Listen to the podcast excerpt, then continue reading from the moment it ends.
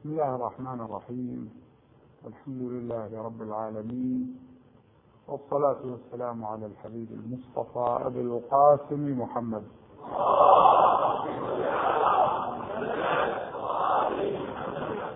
صلى الله عليه وآله الطيبين الطاهرين ولزينب ولزينب نوح لفقد شقيقها. ولزينب نوح لفقد شقيقها. تدعوه يا ابن الزاكيات الركع.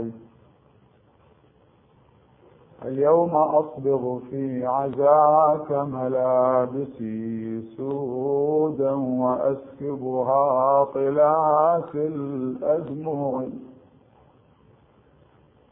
اليوم شبوا نارهم في منزلي وتناهبوا ما فيه حتى برقعي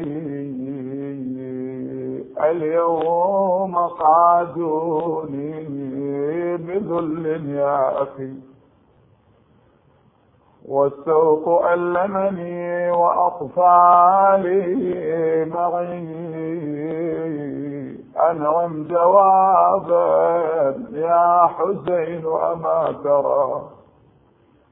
شمر الخنايا يا بالسعار ألم أضلعي فأجابها من فوق شاهقة القنا قضي القضاء بما جرى فاسترجعي وتكفلي حال اليتامى وانظري ما كنت أصنع في حماهم فاصنعي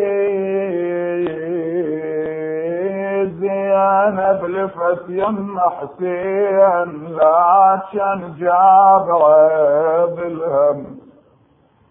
تقول حسين يا ابن أمي علي من الفجر من الفم تعنت لي أهل الخيمة وتفسر الصخر والنسر طبت قعدة قباله وعلى الخدين دمعتها. تقل عليك ظل عمك المهضومة ومصيبتها. هالوادم لفش تريد شحنت كل فجاج البيد الميال عندي يزيد وأشوف بكسر عج الخيل وادي كربل غيم. يا نور العين سالف لي علي من تجرها الرايات وأشوف الزلم عن الخيل تنزل فوق المسنات قلبي بوجل يا ابن ام عليك وعلى الهواشم بات سالف لي يا نور العين لا تخفي علي حسين علي من هالفزع صابين من شفت الفزع يا حسين. روحي هيست بالشر. وقلبي من مثل اليوم نار الخوف بتسعر. ما أدري يا أخويا وياي شنو نيت المقدر. يا ويلي من سمعها حسين حل وسالت عيونه. يقول اخاف أسولف لشو وجهك ينخطف لونه. شتلي وشتل أهل بيتي يا اخويا القوم يردونه. ولا بد ما تشوفيني فوق الثرى مقطعيني يا زينب لا تنوحيني وعينك على يتام النار لو شبت بالمخيم. بسم الله الرحمن الرحيم. يوم نطوي السماء كطي السجل للكتب. كما بدأنا أول خلق نعيده وعدا علينا. إنا كنا فاعلين.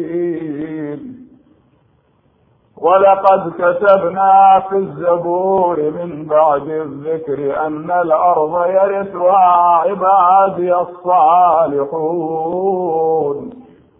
إن في هذا لبلاغا لقوم عابدين. وما أرسلناك إلا رحمة للعالمين. ليس كل شيء في الوجود واضحا لدى الإنسان. الوضوح. السلام عليكم شيخنا شيخ باقر أنزل تفضلون الله يطول عمرك بحق الزهر صلى على محمد وعلى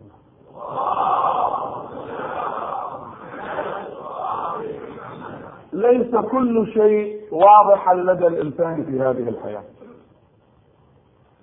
الوضوح يعتمد على مساحة وحجم الإيمان والمعرفة. لأنه في الأساس كل إنسان بل كل شيء في الوجود له كتاب.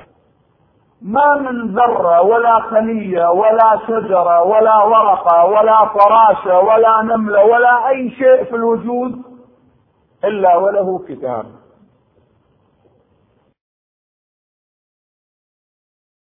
كتاب. الإنسان كذلك له كتاب. ألا كتابنا ينطق عليكم بالحق. لكن الفرق بين كتاب الإنسان وكتاب الخلق الآخر أو المخلوقات الأخرى أن كتابك يعرض على إمام زمانك أقل تقدير في الجمعة مرتين يعني يوم الاثنين ويوم الخميس. وقل اعملوا فسيرى الله عملكم. شوف الخطورة هنا. هذا الخطر أيها الأحبة. وقل اعملوا فسيرى الله عملكم ورسوله والمؤمنون. لاحظ التعبير الإمام أبو عبد الله الصادق صلوات الله وسلامه عليه مر عليه محمد بن مسلم وهو من أصحابه. وكان محمد بن مسلم قبل يومين من لقائه بالإمام سلام الله عليه. قد وصل ابن عم له وكان ذلك رجلا ناصبيا ينصب العداء لأهل البيت. فهذا محمد بن مسلم وصله يعني ذهب إليه وأعطاه شيء صلة رحم.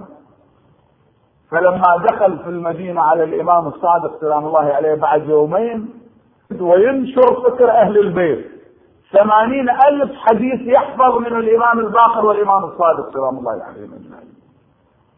فسمي الطحان لهذا المعنى. قال سيدي أوصلك علم ذلك؟ أنا قبل يومين وصلت هذا ابن عم الناصري رحت أعطيته. وصلت رحم. أه أوصلت رحمه. وصلك ذلك؟ عرفت به؟ قال يا ابن مسلم. أما قرأت قول الله تعالى وقل اعملوا فسيرى الله عملكم ورسوله والمؤمنون. والله ما عنا أحدا غيرنا. نحن المؤمنون نحن أهل البيت. كتابكم يعرض علينا في كل يوم. كان يعرض على رسول الله الآن يعرض على الإمام صلوات الله وسلامه عليه. فتأمل هذا المستوى العظيم وهذه المنزلة الكبرى للإنسان المؤمن حقيقة. وين؟ لك كتاب ينقل أعمالك ويعرض على الإمام صاحب العصر والزمان. تعرف يعني ماذا تضع في هذا الكتاب حقيقة؟ أنت عندما تريد أن تكتب كتاب لرجل محترم لعالم لأي إنسان تختار الكلمات بعدين تكتب الكتاب لما ينتهي الكتاب تقرأه مرة ثانية. صح ولا مو صحيح؟ تعمل مسودة. بعدين تعمل مبيض للكتاب هذه الكلمة مو صالحة. أسقطها. أتي بكلمة ثانية مكانها. أنت في كل يوم تملي على كاتبيك كتابا إلى الله والرسول ويذهب إلى الإمام صاحب العصر والزمان فانظر ماذا تكتب بهذا الكتاب. هاي النقطة. الخطورة هنا ولذلك يعلم الإنسان أن هذه الفسحة الزمنية فسحة العمر والمهلة ما هي إلا اختبار والله. وإلا أمامنا الدار الآخرة ونحن نرتحل إليها. يوم نطوي السماء كطي السجل للكتب. الآن هذا ظاهره أن واحد يطوي الكتاب هكذا لكن في معنى عميق. كما يذكره أهل البيت في مدرستهم صلوات الله وسلامه عليهم وغيرهم كذلك الزمخشري وفلان وفلان يقول السجل هو اسم ملك من الملائكة. الكتاب عندما يعرض أهل البيت الآن يذكرون أما الزمخشري يقول اسم ملك ويطوي الكتاب ويسكت. أهل البيت يقولون السجل هو ملك لكن يأخذ كتابك بعد أن يعرض الكتاب على إمام زمانه ويوقع ينتقل إلى هذا الملك الذي اسمه السجل. يطوي كتابك ويحفظه عندك. هذا كتاب اليوم كتاب اليوم الخميس يوم الخميس والإثنين. كتاب اليوم الجمعة. هذا التاريخ وهذا الوقت ومختوم الكتاب. لا يغادر صغيرة ولا كبيرة. كيف يتعامل الإنسان مع هذا الواقع ومع هذه الحقيقة؟ يطلق لسانه للكذب والفحشاء والعياذ بالله؟ يطلق لسانه للخنا والذنوب؟ يطلق سمعه للطرب والموسيقى والغناء؟ ها؟ يطلق مشاعره وطاقاته لكل من هب ودب للشيطان؟ يضع نفسه في حبائل الشيطان في في خطوات الشيطان والعياذ بالله. الذي يعلم أن كتابه يعرض على امامه كيف يتعامل؟ يوم نطوي السماء كطي السجل للكتب. كما بدأنا أول خلق نعيده. بعدين يقول وعدا علينا. وهذا لطف من رب العالمين. لأن في وعد ووعيد. كيف؟ هنا الكلام كله عن الوعد عن الرجاء. الأمل كيف يحشر الناس؟ الحشر حشران حشر في الرجعة قبل يوم القيامة عند ظهور الإمام صلوات الله وسلامه عليه. نعم عند ظهور الإمام كثير من الناس يبعثون من قبورهم حبيبي انت الإمام أبو عبد الله الصادق سلام الله عليه يقول لأبي بصير يا أبا محمد كيف تقرؤون هذه الآية وأقسموا بالله جهد أيمانهم لن يبعث الله من يموت؟ يعني الله ما يبعث اللي يموت؟ قال هذه الآية سيدي يتحدثون عنها أنه الكفار قالوا والمشركون قالوا. قال تبا لهم سلهم هل كان الكفار والمشركون يقسمون بالله أم يقسمون بالله والعزة؟ ليش يقسمون؟ هو مشرك كافر يقول يقسم بالله لأن يقول وأقسموا بالله جهد أيمانهم. المشركين ما يقولون والله العظيم هذا جهد أيمانهم. المشركون يقولون واللات والعزى إذا من هؤلاء؟ قال هؤلاء أمة من الإسلام عندما ينظرون إليكم في ظهور صاحب العصر والزمان. ويبعث الله سبحانه وتعالى أمة من قبورهم فيقسمون بالله أنكم كاذبون لن يبعث الله من يموت شوف التعبير. فإذا المسألة حبيبي مسألة ظهور الإمام صلوات الله وسلامه عليه مسألة لها علاقة بكل شعوب الأرض. اليوم الناس أينما تتجه لاحظوا يبحثون عن الأمن والرغيف أينما تتجه؟ لأن لا اقتصاد موجود جيد في العالم ويؤمن رغيف الخبز. الرغيف يؤمنه الاقتصاد النظام الاقتصادي ها الطيب الناجح. ولا الأمن الامن أيضا يضمنه ويؤمنه النظام السياسي السياسة الحكيمة توفر الأمن للناس والاقتصاد الحكيم يوفر رغيف الخبز للناس. والإنسان يحتاج إلى هذين العنصرين فليعبدوا رب هذا البيت الذي أطعمهم من جوع وآمنهم من خوف.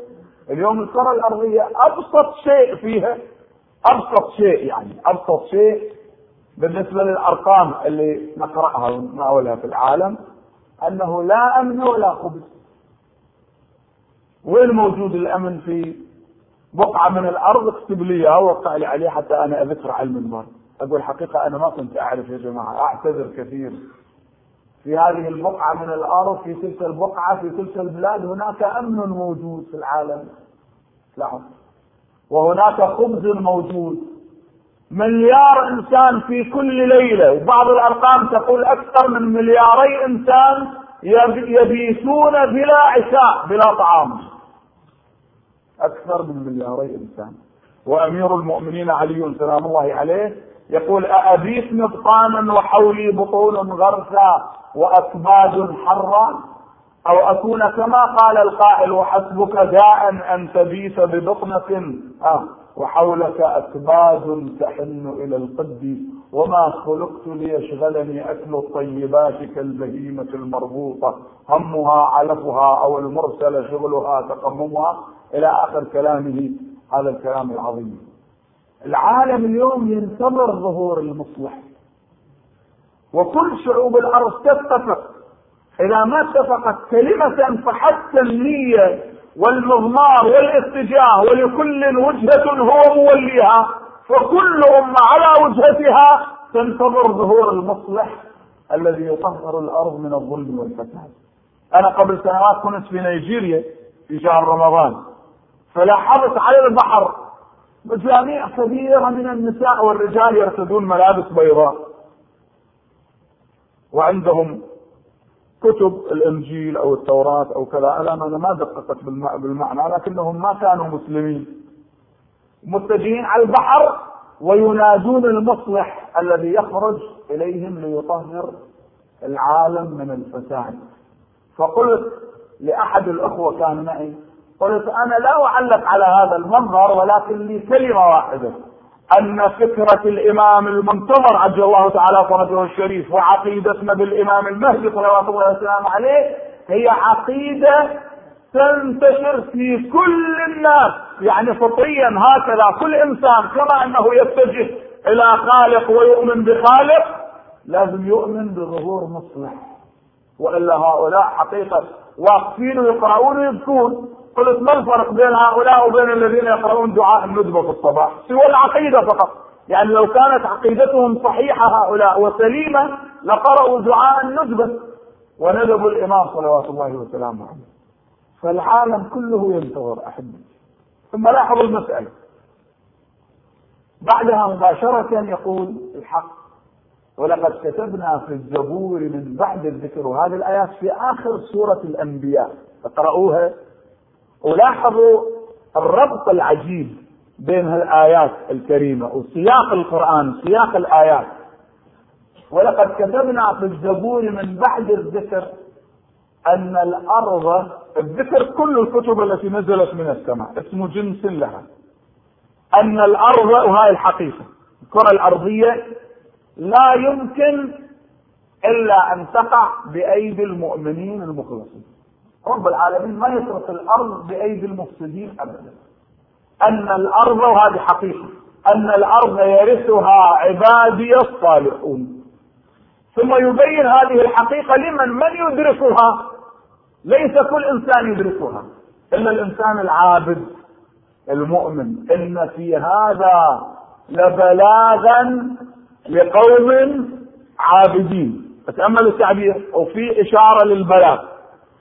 وبعدها مباشرة عندما تشير هذه الآية وفق مدرسة أهل البيت صلوات الله عليهم أجمعين وكما قال أبو جعفر الباقر صلوات الله وسلامه عليه وأبو عبد الله الصادق روحي لهم الفداء قال هذه الآية تتحدث عن ظهور القائم المهدي عجل الله تعالى فرجه الشريف.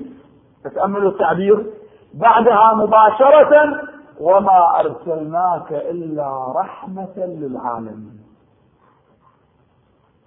وما أرسلناك إلا رحمة للعالمين. أريدكم الآن تتفهمون القصة وأريدكم فقهاء الآن تقولون معي وأنتم فقهاء. تأملوا؟ تفقه في الدين.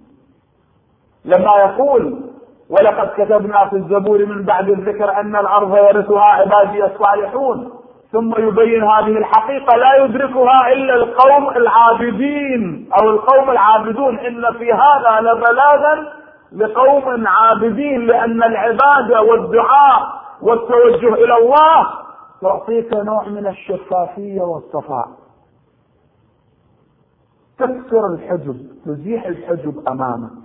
تعرف الحقيقة. هذا اللي يأكل ربا واللي يلعب قمار ويشرب خمر. ها ويلاحق أعراض الناس ويكذب ويسرق ويذهب ويقتل وينتهك الحرمات ما يعرف الحقيقة. لأن أساسا ما عنده إيمان بالآخرة واليوم الآخر.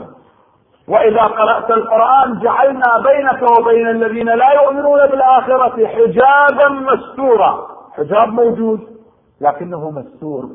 لا تراه أعينكم لأنه حجاب غيب تراه القلوب العين ما تشوف. فلاحظوا إن في هذا لبلاغا لقوم عابدين. بعدها يقول وما أرسلناك إلا رحمة للعالمين. فأريدكم فقراء معي. اللحظه لاحظ. لما يقول وما أرسلناك إلا رحمة للعالمين. بالله عليكم هذه الرحمة. ها. ترتفع من الأرض بموت رسول الله. يعني الله أرسله رحمة للعالمين. إذا مات رسول الله هذه الرحمة ارتفعت وانتفت بعد ما يحتاجها الناس رب العالمين يقول الا رحمة للعالمين مو عالم واحد ولا عوالم كل عالم بالوجود رسول الله صلى الله عليه وآله وسلم هو رحمة لكل العالم فإذا كان رسول الله رحمة للعالمين ففي وفاة النبي هذه الرحمة تبقى في الأرض موجودة ولا ترتفع إلى السماء؟ أسألكم سؤال جاوبوني يعني. يعني العقل والمنطق ماذا يقول؟ يقول ترتفع معه إذا كان ارتفعت معه إذا انتفت الحكمه صارت القضية عبثية. لماذا أرسله الله رحمة للعالمين؟ إذا كان بوفاته هذه الرحمة ترتفع إلى السماء إذا الرحمة باقية في أهل بيته. إني تارك فيكم الثقلين. الرحمة باقية في الزهراء روحي فداها الرحمة باقية في علي أمير المؤمنين صاحب الغدير وصاحب الولاية والإمامة الكبرى. الرحمة باقية في الحسن والحسين وزين العابدين والباقر والصادق والكامل والرضا والجواد والهادي والعسكري. والرحمة باقية في الإمام صاحب العصر والزمان. فيكون هذا المعنى كامل أمام أعينكم. إذا الكرة الأرضية تبقى وصاحب العصر والزمان يديرها لأن الأساس موجود والحكمة موجودة والبرهان وما أرسلناك إلا رحمة للعالمين. فالرحمة يجب أن تكون عند ولدك الإمام المهدي صلوات الله وسلامه عليه. وإلا ما معنى مجيء هذه الآية في هذا السياق؟ يوم نطوي السماء كطي السجل للكتب كما بدأنا أول خلق نعيده وعدا علينا إنا كنا فاعلين. ثم يقول ولقد كتبنا في الزبور من بعد الذكر أن الأرض يرثها عبادي الصالحون إن في هذا لبلاغا لقوم عابدين وما أرسلناك إلا رحمة للعالمين. وهذه إذا تضموها إلى سورة القدر تأخذون نتائج مذهلة كما قلت لكم. لأن سورة القدر في ليلة القدر تنزل الملائكة والروح في تلك الليلة. وبكل شيء بكل أمر من الله سبحانه وتعالى وفيها يفرق كل أمر حكيم فيجب أن يكون هناك صاحب الأمر في الأرض ليتلقى الأمر من الله سبحانه وتعالى. ولذلك هذه الآيات تحاصر الإنسان. لا عذر بعد تعذيركم ولا أمر بعد تقصيركم كما قالت الزهراء روحي الفداء في تراب أقدامها. تحاصر الإنسان. قل فلله الحجة البالغة. فلو شاء لهداكم أجمعين. لو أراد رب العالمين أن يجبركم ويكرهكم على الهداية لفعل ولكن هنا يسقط الثواب والعقاب. إنما ترككم هكذا. وما أرسلناك إلا رحمة للعالمين. يسأله الإمام الصادق سلام الله عليه يسأل أبا حنيفة النعمان يقول له يا أبا حنيفة تقرأ القرآن الكريم؟ قال نعم. قال تقرأ قوله تعالى سيروا فيها ليالي وأيام آمنين. هذه وين موجودة من الأرض؟ لأن هذا الخطاب يخاطب الناس يقول سيروا فيها. الضمير لمن يعود؟ وأين تقع تلك المنطقة التي يسير فيها الناس ليالي وأيام آمنين؟ قال أظنها بين مكة والمدينة في الحجاز. فقال له الإمام سلام الله عليه يا أبا حنيفة أما بلغك أن الحجاج يأتون وقوافلهم تتعرض للنهب والسلب والقتل؟ قال نعم بلى. قال إذا وين تسيروا فيها ليالي وأيام الآمنين فعصرت برأسه قال والله ما أعرف قال سيروا فيها ليالي وأيام آمنين في دولة قائمنا أهل البيت. لما يقوم الإمام المهدي سلام الله عليه ويطبق الإسلام يطبق القرآن واليوم العالم متجه إلى الإمام والمستقبل للإسلام وللقرآن ولأهل البيت. سيروا فيها يعني في الأرض في هذه الدولة. اللهم إنا نرغب إليك في دولة كريمة تعز بها الإسلام وأهله وتذل بها النفاق وأهله. النفاق التفت التعبير؟ مو الكفار لا الضرب على المنافقين. الذي يظهر خلاف ما يبطن. مثل عمر بن سعد. الله أكبر وبعدين يصيح يا خيل الله اركبي وأبشري بالجنة وجوسي صدر الحسين. فهمت كيف؟ هذه آية معنى ترتيب.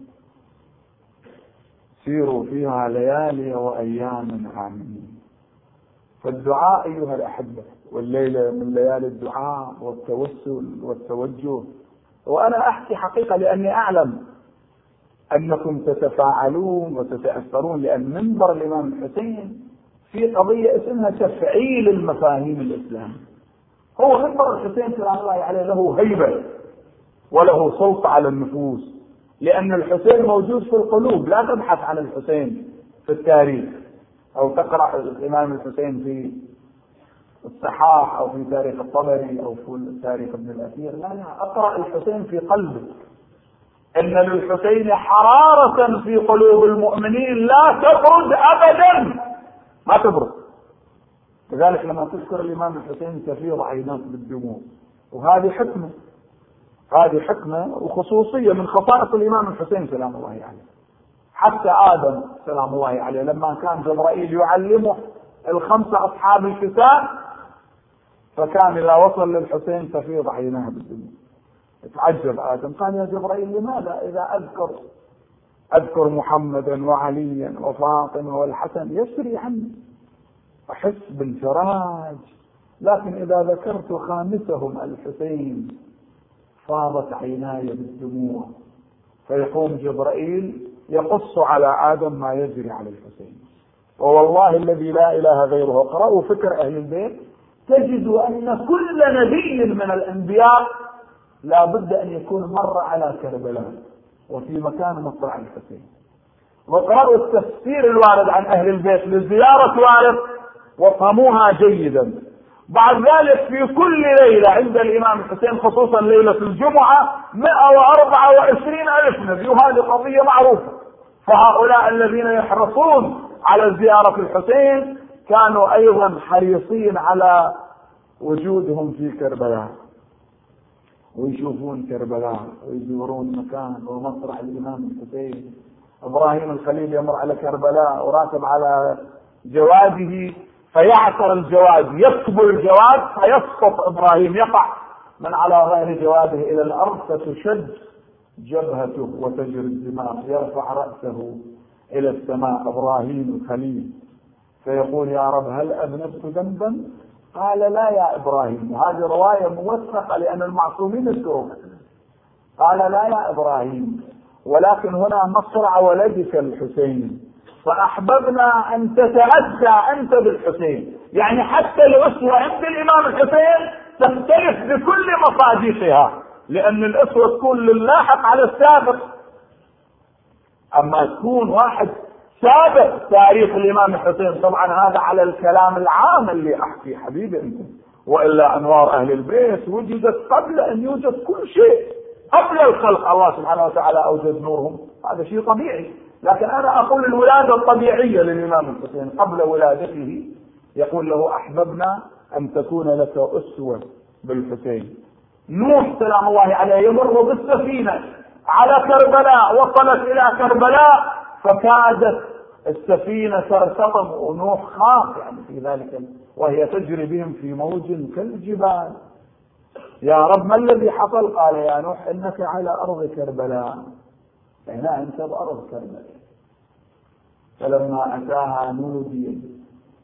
هذه أكررها ما أدري ذكرتها أو لا. هي مثل الآيات هي آية قرآنية.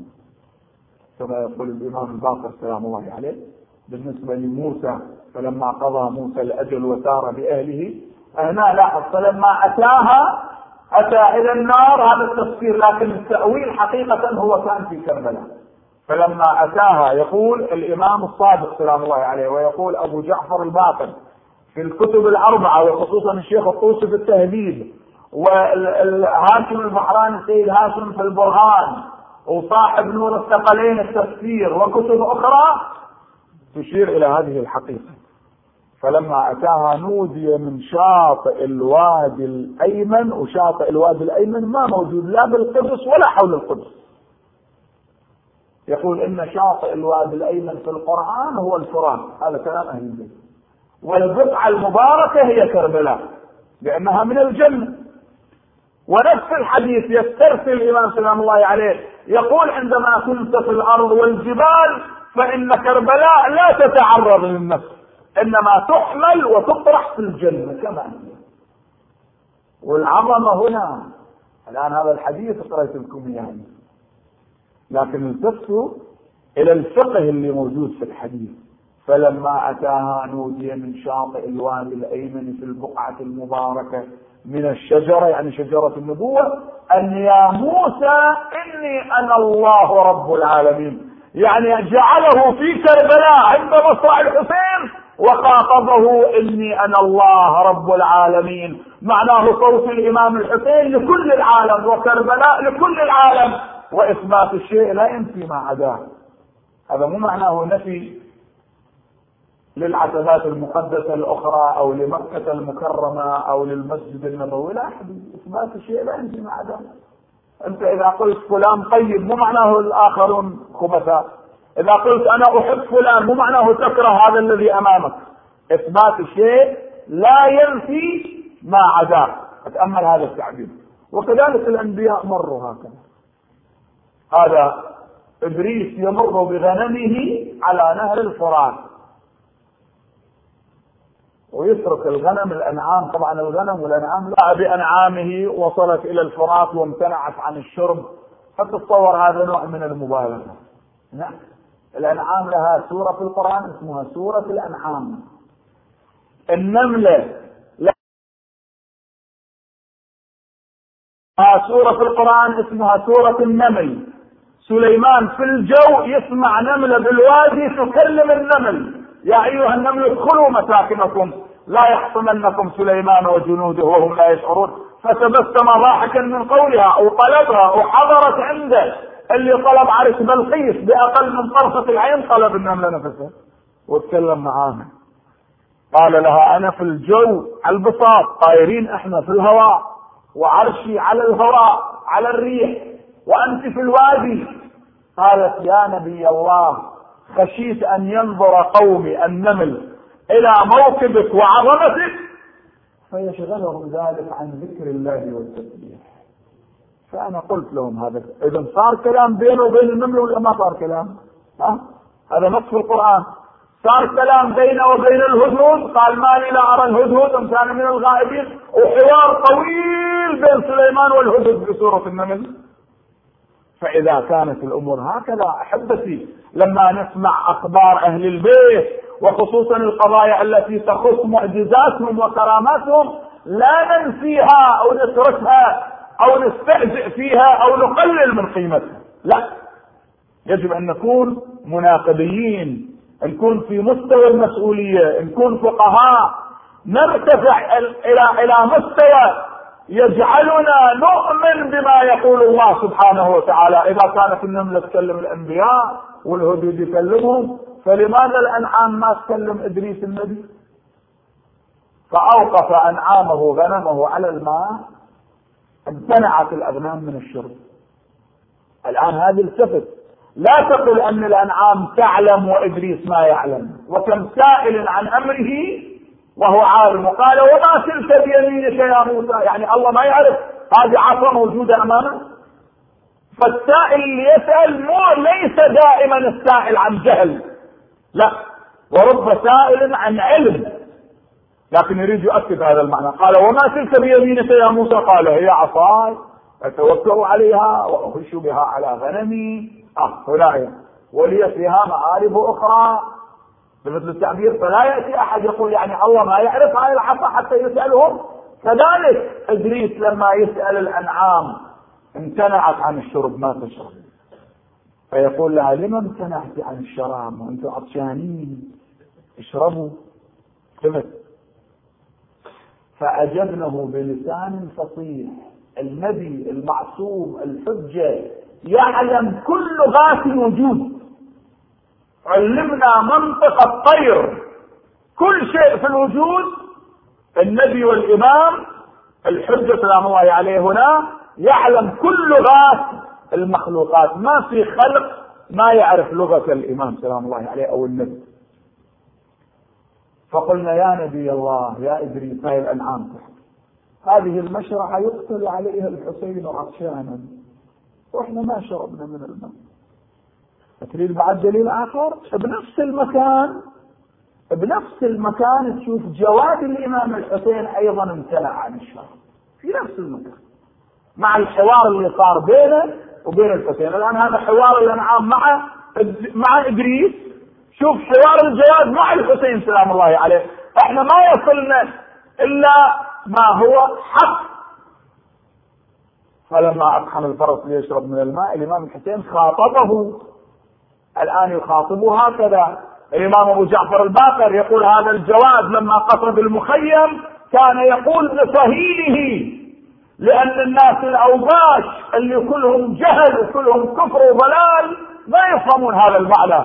لكن بالنسبة لكم اللي أنتم واصلين إلى مرحلة من الإيمان تفهموه. فالإمام يخاطبكم يقول كان الجواز يقول في صهيله أو بصهيله الظليمة الظليمة من أمة قتلت ابن بنت نبيها واتجه إلى المخيم بهذا الصهيل الآن الإمام الحسين يراه يقحم على الماء يقول له أنت عطشان وأنا عطشان. لا أشرب حتى تشرب. وكلمة الحسين والله لا أشرب حتى تشرب. الآن هذا معنى عجيب يعني. معنى لما واحد يفكر فيه فرفع الفرس رأسه يقول الإمام زين العابدين سلام الله عليه فرفع الفرس رأسه كأنه فهم الكلام. فليش ما نقبل هذا المعنى؟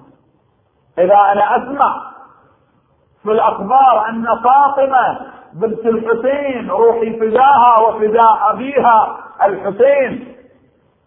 فاطمة العليلة جالسة في بيت أبيها الحسين. وتتربى ها تتنطر تنظر الدرب ويجي يمر عليها أعرابي راكب ناقة. ويراها واقفة وتحمل كتاب بيدها كاتبة كتاب لأبيها الحسين. ويحمل الأعرابي هذا الكتاب ويذهب به إلى كربلاء.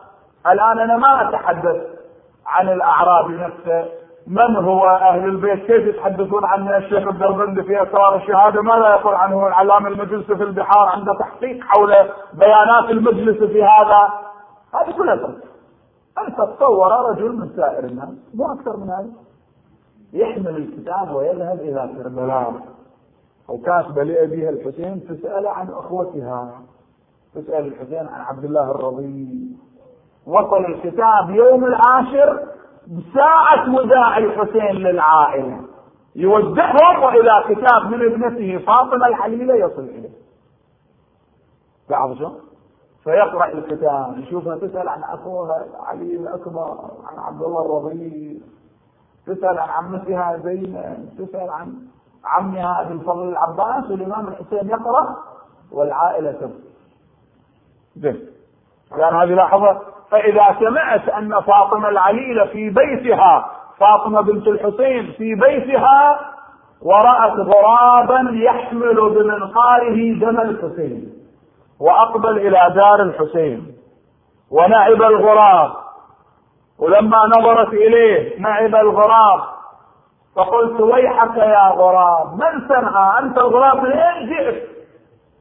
وإذا الغراب جاي من كربلاء واحد يقلل من قيمة الخبر هذا بعد أن يقرأ في القرآن الكريم في مقتل هابيل وجود غراب هناك.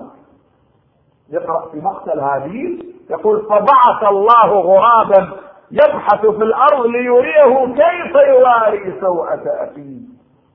فإذا كان الغراب في مقتل هابيل في نص القرآن موجود في سورة المائدة. واتلوا عليهم نبأ ابن آدم بالحق إذ قربا قربانا فتقبل من أحدهما ولم يتقبل من الآخر. قال لأقتلنك قال إنما يتقبل الله من المتقين. لئن بسطت إلي يدك لتقتلني ما أنا بباسط يدي إليك لاقتلك إني أخاف الله رب العالمين. بعدين يقول فطوعت له نفسه قتل أخيه فقتله. بعدها يقول فبعث الله غرابا يبحث في الأرض. أنا أقول لهؤلاء الذين يذكرون أنه لماذا أنتم في كل عام تحيون ذكرى الحسين وقتل الإمام الحسين؟ أسألهم لماذا رب العالمين يذكر مقتل هابيل في سورة المائدة وفي كل ساعة واحدة ملايين المسلمين في العالم يقرؤون مقتل هابيل ابن آدم في سورة المائدة. فإذا كان غراب في مقتل هابيل فليكن غراب في مقتل الحسين. نعب الغراب فقلت ويحك من صنعاء. الله أكبر. تطلع تبكي تستقبلها أم سلمة. بكاء وأهل البيت وعبد الله بن عباس يقوم من مكانه. يذكر الله في نومه. يقول إنا الله وإنا إليه راجعون. ماذا رأيت؟ قال رأيت رسول الله صلى الله عليه وسلم. بيده زجاجة مليئة بالدم. وقال لي ابن عباس هذا دم الحسين وأصحابه. ام سلمة كذلك.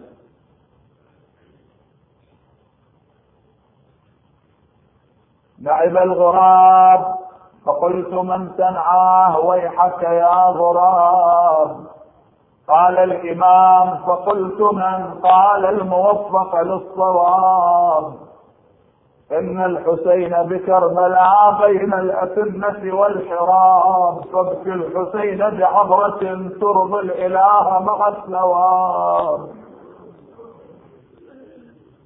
فابكي الحسين بعبرة ترضي الإله مع الثواب. الله أكبر.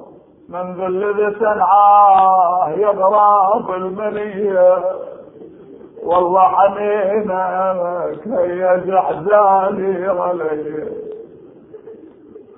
يا دارهم كنتي زهية وكانت قناديل جضوية يا دار ناغيني وناغيت كانت بدور ومزرع لي والسا والسا غراب الناري رجعت الحوراء زينب إلى دار الحسين لكن لاحظ المسألة وين؟ قبل أن تصل إلى الدار الإمام زين العابدين سلام الله عليه ضرب الخيام ضرب أقبية ومضارب وخيام وين؟ خارج المدينة وقال لبشر بن حرم ادخل المدينة ودع الحسين انعاه. فدخل بشر ونادى يا أهل يثرب لا مقام لكم بها. قتل الحسين فأدمعي مدرار الجسم منه بكربلاء مضرج والرعاس منه على القناة يدار عندك يا ابن حبل من أخبار. تجهجر بصوتك والقلب طار على حسين قل صار ما صار. هاي أم البنين لما تروح للبقيع تشوف أم البنين تخطف القلوب كلها.